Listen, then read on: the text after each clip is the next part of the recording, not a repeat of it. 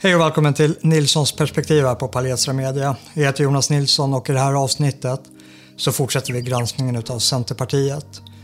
Vi är här på Palestra Media. Vi har inget statligt stöd eller får några andra bidrag utan all vår produktion möjliggörs av våra tittare, alltså er. Och eh, uppskattar ni vårt arbete här så får ni jättegärna bli en Patreon och hjälpa oss månatligen med ett litet bidrag. Är det många som eh, hjälper till så räcker det långt med eh, så lite som 20 kronor i månaden och det kommer göra en stor skillnad.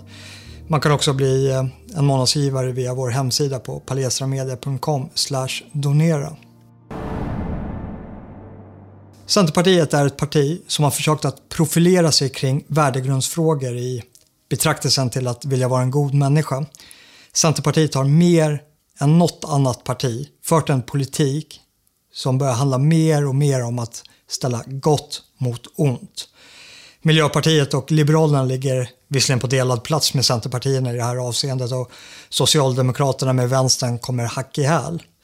Och det är något väldigt religiöst över hur det vill föra sin politik och hur det betraktar sin egen godhet. Och det är i synnerhet när det sätts i betraktelsen till hur de här partierna behandlar Sverigedemokraterna och andra Sverigevänner.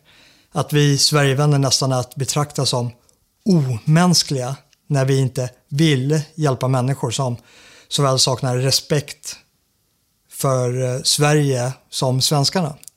Det finns väldigt starka motsättningar här som ligger till grund för en extrem polarisering av vårt samhälle som till och med tränger sig in i och splittrar familjer. Åt båda hållen ska tilläggas. Vid tidiga åren i säg, slutet av 90-talet, början av 2000-talet av den här polemiken så var det Sverigevänner som blev utfrysta av den egna familjen. Och det var viktigt för familjemedlemmar att eh, ta avstånd. Och nu när den Sverigevänliga rörelsen har växt och allt mer människor har vaknat upp till de problemen vi har så har konflikten också intensifierats. Så nu börjar det också komma exempel från det andra hållet att Sverigevänliga delar av familjen inte vill ha med den där godhetssläktingen att eh, göra. Och det är givetvis tragiskt att det blir så här, speciellt i samband med juletider. Men det är oundvikligt när de här människorna betraktar det som en den här politiska kampen som en religiös kamp där det finns mellan gott och ont, mellan troende och syndare. Då finns det inte heller så mycket utrymme att kunna samsas på. Och Centerpartiet har varit ledande i den här utvecklingen tillsammans med hela sjuklövern. Och det fick sig uttryck av decemberöverenskommelsen och sen eh, januariöverenskommelsen.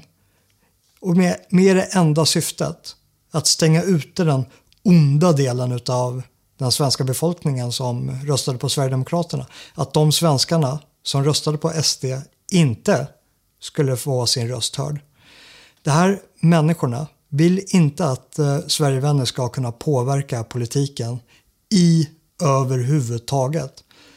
Även fast eh, Moderaterna och Kristdemokraterna nu börjar göra upp med sitt förflutna i det här avseendet. Eller eller förflutna, man kanske bättre säga att de håller på att försöka göra upp med sin egen nutidshistoria i det här avseendet. Men oavsett så handlar det här i slutändan om vilket samhälle vi ska lämna efter oss till våra barn. Vilket samhälle vill vi att våra barn ska växa upp i? Och eh, när det kommer till Centerpartiet så känns det som att det är viktigare att betraktas som att vara god än att faktiskt vara det. Jag upplever Annie Lööf som en av våra mest cyniska och känslokalla politiker vi har i Sverige. Pedofilskandalerna har avlöst varandra inom Centerpartiet. Det har uppdagats att deras absoluta toppnamn, Federley, haft umgänge med minst fyra pedofiler varav Annie Lööf hade en koppling till en av dem. Sen har det framkommit att eh, centerpartisten Christer Yrjas som är kommunordförande i Tomelilla varit sambo med en dömd pedofil och försvarat den här pedofilen med orden “Man måste se människan bakom”.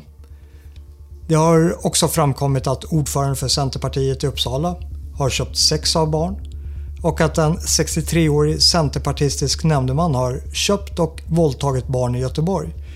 Och Ytterligare en centerpolitiker har blivit dömd för att ha blottat sig för småbarn. Alla de här sakerna, alla de här fallen har uppdagats i år. Och eh, 2018 uppdagades också en att det var en centerpartistisk kommunfullmäktige ledamot som sexuellt utnyttjat en minderårig flicka som var eh, fosterhemsplacerad eh, hos den här centerpartisten. Det är så pass många fall på så kort tid som har kommit fram att man måste börja ifrågasätta den här internkulturen inom Centerpartiet. För jag är faktiskt inte förvånad att det förekommer en massa pedofilskandaler och barnvåldtäkter inom Centerpartiet. Det är inte konstigt att det framkommer en massa sånt här från ett parti vars ungdomsförbund vill legalisera pedofili.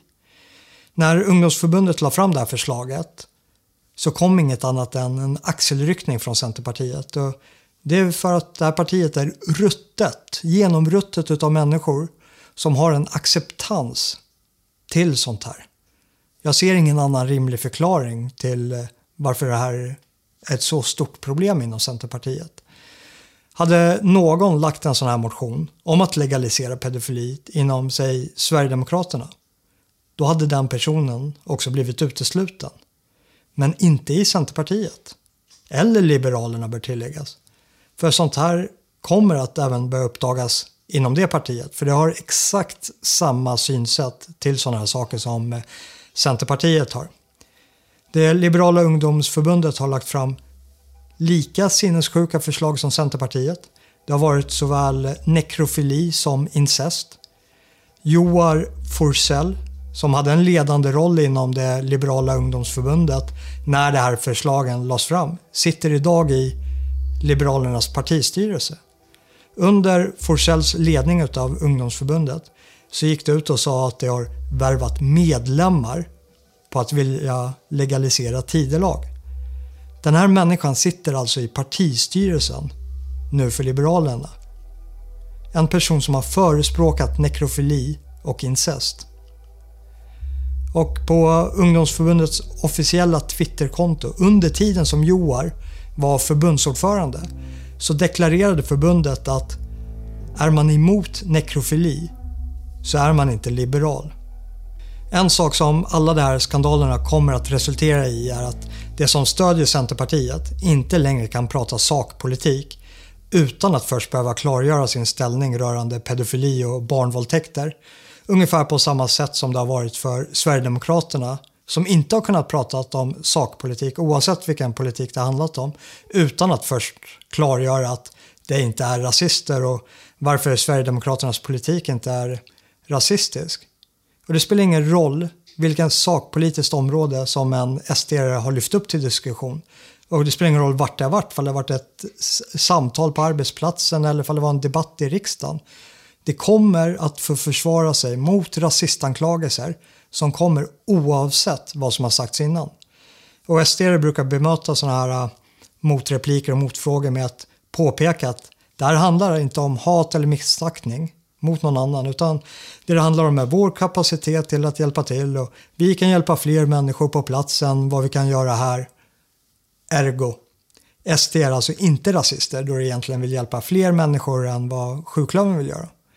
Vilket i sin tur skapar en bra brygga för SD att falla tillbaka på det här oerhört tröttsamma resonemanget om att det egentligen är Socialdemokraterna som är de riktiga nazisterna på grund av ja, andra världskriget och annat. Sådana här, visserligen helt menlösa resonemang kommer att vara svårare för Centern att göra.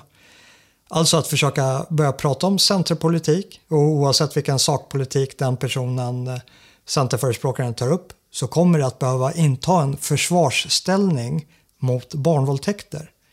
Det är helt enkelt så många pedofilskandaler inom Centerpartiet att om någon börjar prata centerpolitik, ja men då måste man fråga dem hur det ställer sig till den här internkulturen inom eh, Centern och varför, det här, varför de tror att det är så mycket pedofiler som dras till Centerpartiet. Det här är relevanta frågor att ställa. Sen eh, måste man också börja resonera till eh, varför avskaffandet utav byxmyndighetsåldern inte har med pedofili att göra. Och varför man överhuvudtaget vill associeras med ett sådant parti.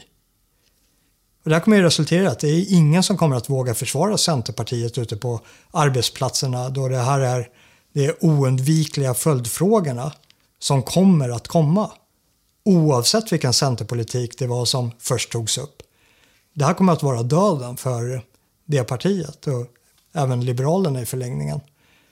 Och det som ändå vill försvara Centerpartiet eller Liberalerna kommer att komma med den insjuknade nyliberalismen om att kärlek är till för alla och det är ingen som ska lägga sig i när två människor är kära eller försvara sig med att det inte är pedofilvurmare för att den individuella mognadsprocessen är olika och därför kan vi inte ha en fastslagen byxmyndighetsålder och så vidare. Eller som när det kommer till eh, Joar Forsell som eh, sitter i partistyrelsen för Liberalerna som gick ut och sa samtidigt som han försvarade tidelag med att djur har inga rättigheter.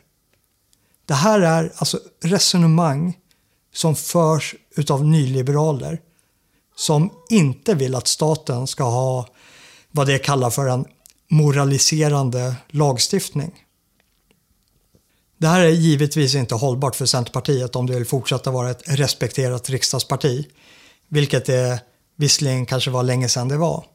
På samma sätt som det har varit svårt för SD att bli ett respekterat parti med alla rasistanklagelser. SD försökte lösa det genom att vara sina belackare till lags med en nolltolerans mot rasism varpå många goda SD har uteslutits. Och det kanske är något som också bör påtvingas Centerpartiet och Liberalerna. En nolltolerans mot pedofili och barnvåldtäkter. För det lär finnas en hel del som behöver städas upp inom såväl Centerpartiet som Liberalerna. Och det, det här blir såklart ett dött lopp för dem. Bara föreställ er ett parti som behöver införa nolltolerans mot pedofili. Att ens ett parti ska behöva ha en sån policy borde diskvalificera dem för all framtid. Tack för att ni har lyssnat. Jag önskar er en riktigt god jul. Och eh, glöm inte att eh, prenumerera om ni inte redan gjort det. Det skulle vara väldigt uppskattat. På återseende.